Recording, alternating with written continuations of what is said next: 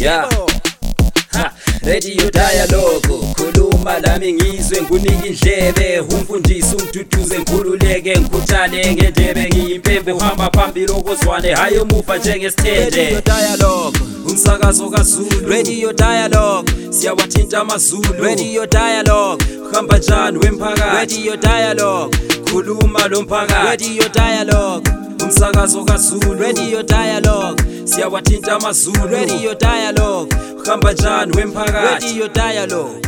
we giving you a voice. Allo, umadlela lo, nilalile inyazaranda la kobulawayo.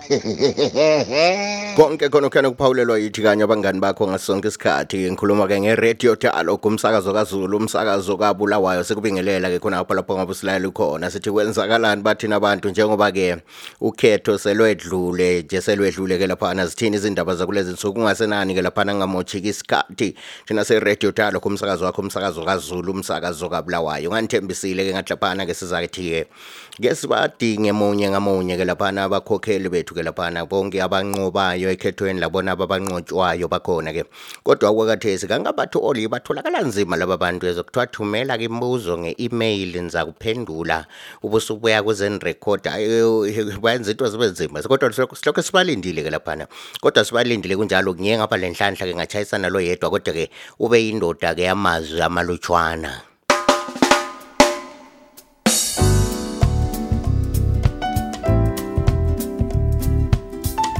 Uh, thank you very much. Uh, this is uh, Councillor elect for Ward 9, um, Popoma Councillor Mabuto Donaldson. We would like to thank the residents of Mpopoma for resoundingly uh, voting for me uh, in, in, the, in the by elections. We recorded the highest number of voters in uh, uh, Machobane three polling stations, Machobane Hall and Gamp.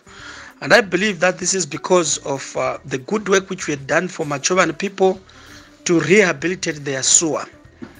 Uh, also, I would like to thank the residents of Popoma, the citizens in general, in all the corners of Popoma, for voting for Councillor Mabuto resoundingly.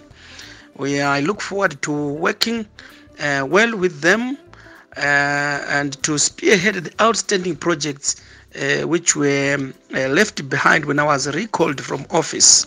The rehabilitation of Inyat Youth Center sporting facilities is our next project, and if time permits and resource permits, we will move to Mpopoma Park, where we need to resuscitate the Mpopoma Park train.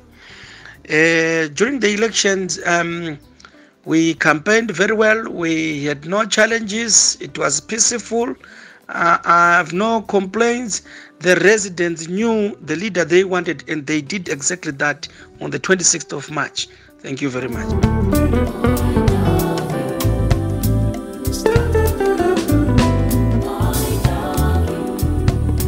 Konke khona kuyathi yithi kanye umsakazo wakho umsakazo weradio dalo kwingqwele yakho lakho njalo kusilandela ke kuwhatsapp lawo lakho kuthumeza ke i-voice note. Nxa usenelisa kumbe usinxuse ke uthi sibuye khona ngapho lapho yabukhona ke sizethe apha izindaba sibona ukuthi kwenzakalani ke khona kuyani inombolo yethu yewhatsapp yasebenzisa yona leyo 0773 284 598 ikho kanye sikwenzayo ke khona kuyana kazi ngithe ngiqaphela ke laphana ke sengikhunjuzwa ke ngomama sebendithumela ke ama-message ku-inbox bechinge laphana. Bathi kathi lokhe laqalisa ukwenza ke-election podcast series yenu lekasikazi sizwe ke ngitsho lelizwi lomuntu ongumama. Kade omama libancitshelana ithuba ngahle ngagijima masinya ngakulungisa khona kuyana ke.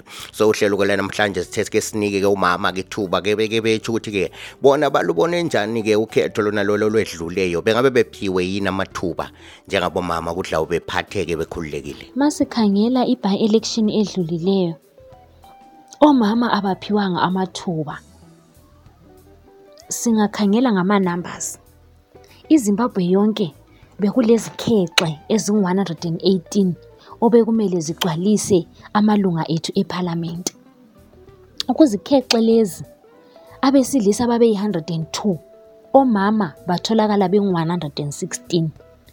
Ku-116 lezo, nxa sesikhangela ngama-political parties, singakhangela iZANU-PF yona ihambise omama abangu-5.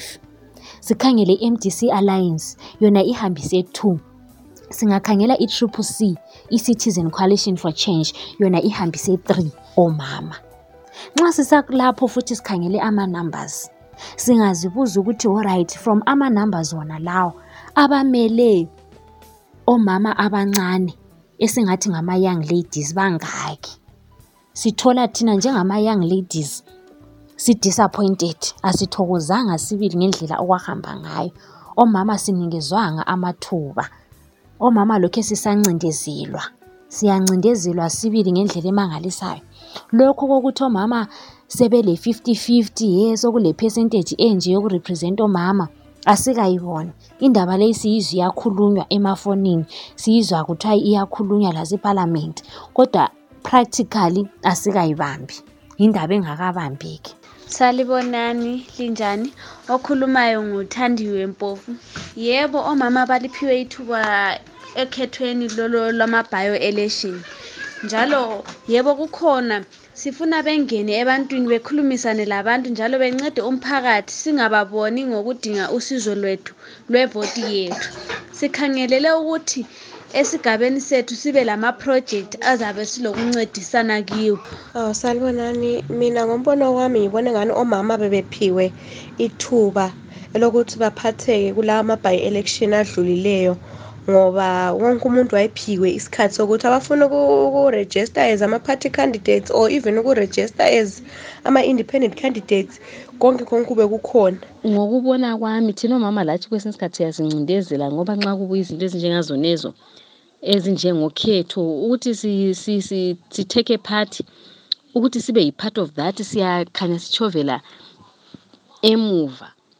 Asibi ngabantu labana kokuthi sihle siphumele phandle sihle sibe ngabantu bokuthi sifuna ukuthi lathi sibe part of that sibe ngeyingxenye yama-programs anjengawona lawo so hhayi omama balutshwane sibili entweni ezinjengokhetho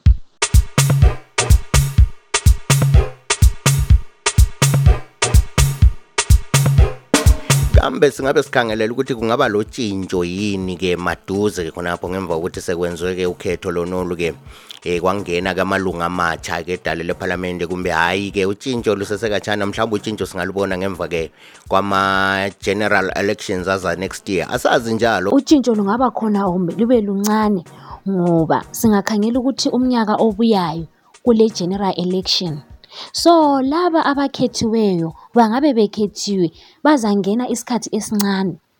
Bazangena bangene khathesi. Kusiyafika u-2023 i-general election umsebenzi wabo usuphelela khonapho. So singakhangeleli okukhulu kangako. Utshintsho sivele silukhangelele i- kuma-sections ngathi mina amaningi entweni ezi- eziningi kodwa i- i-problem ekhona ukuthi abantu bazabe bencindezelwa abe-opposition abe-triple c bazabe bencindezelwa ngabantu bezanu ukuthi besenzele that difference esifuna ukuyibona. Ngoba kabafuni ukuthi sibone okuhle okungabuya labantu laba.